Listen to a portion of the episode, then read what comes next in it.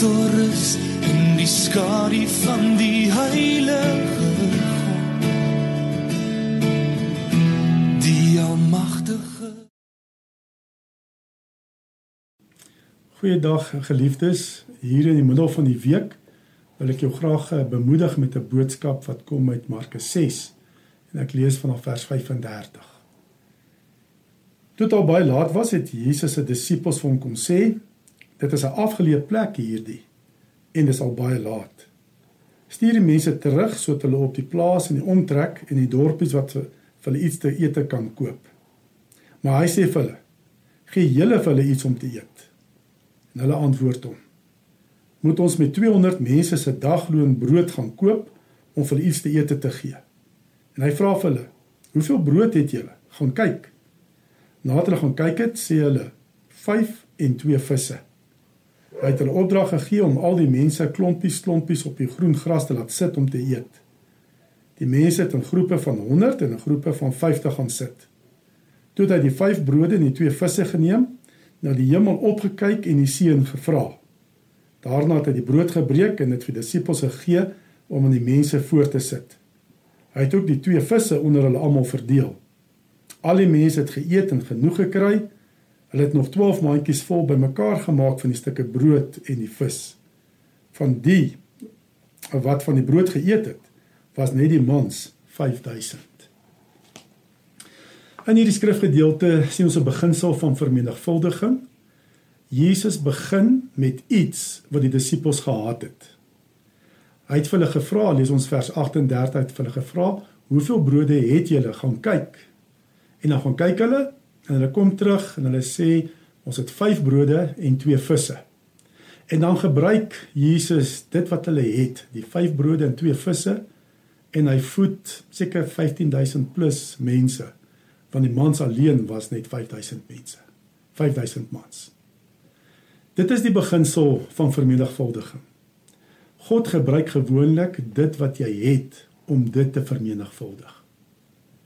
En die duiwel weer, hy wil jou laat fokus op dit wat jy nie het nie en dit wat jy nie kan doen nie.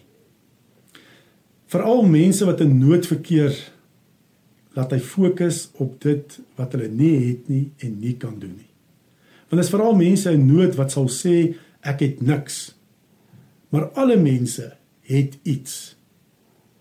En tydens hierdie corona virus pandemie het baie seker die meeste mense reg oor die wêreld het iets verloor. Daar's mense wat gesterf het, wat hulle lewe verloor het.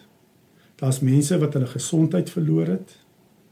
Daar's mense wat uh dalk hulle werk verloor het.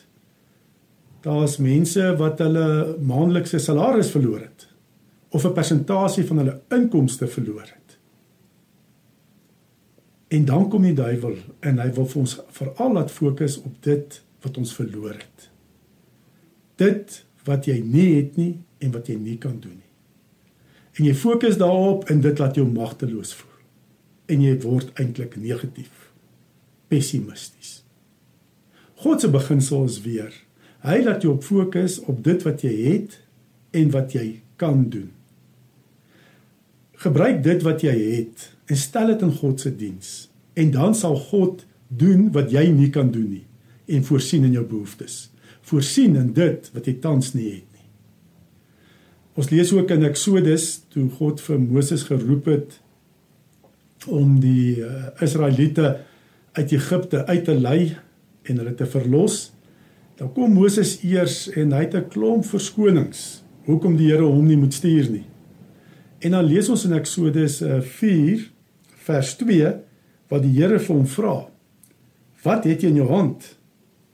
'n Kierie het Moses geantwoord.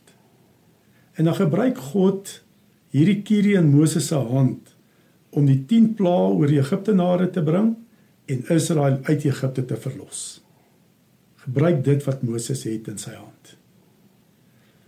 Ek kan ook vertel van 'n gewese lidmaat wat 'n hele paar jaar terug in die gemeente ehm um, het sy werk verloor omdat die fabriek waar hy gewerk het hulle deure toegemaak het.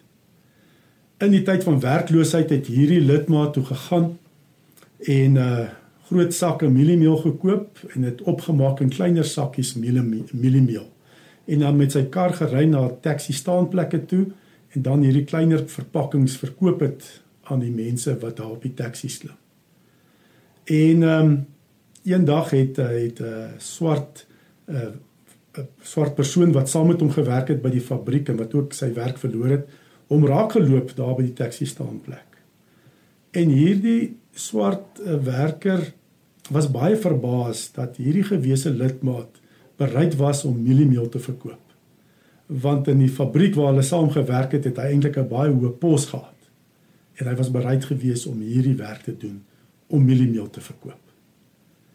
En dan ook van almal wat hulle werk verloor het toe die fabriek sy deure toegemaak het, was hierdie gewese lidmaat die eerste persoon wat weer 'n baie goeie pos by 'n ander maatskappy gekry het. Dit is die beginsel. As jy doen wat jy kan doen, dan doen God wat jy nie kan doen nie. As jy dit wat jy het tot God se beskikking stel, sal God vir jou voorsien wat jy tans nie het nie. Sal in jou behoeftes voorsien. Ehm um, Paulus verseker ons ook in Filippense 4 vers 9 En hy sê en my God sal in elke behoefte van julle ryklik voorsien volgens sy wonderbaarlike rykdom in Christus Jesus.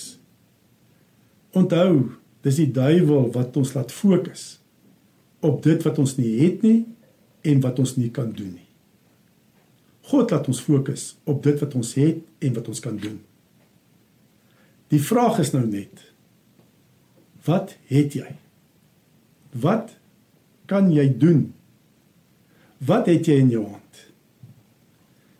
Vat dit wat jy het en stel dit tot beskikking van God se koninkryk en doen wat God vir jou wys om te doen.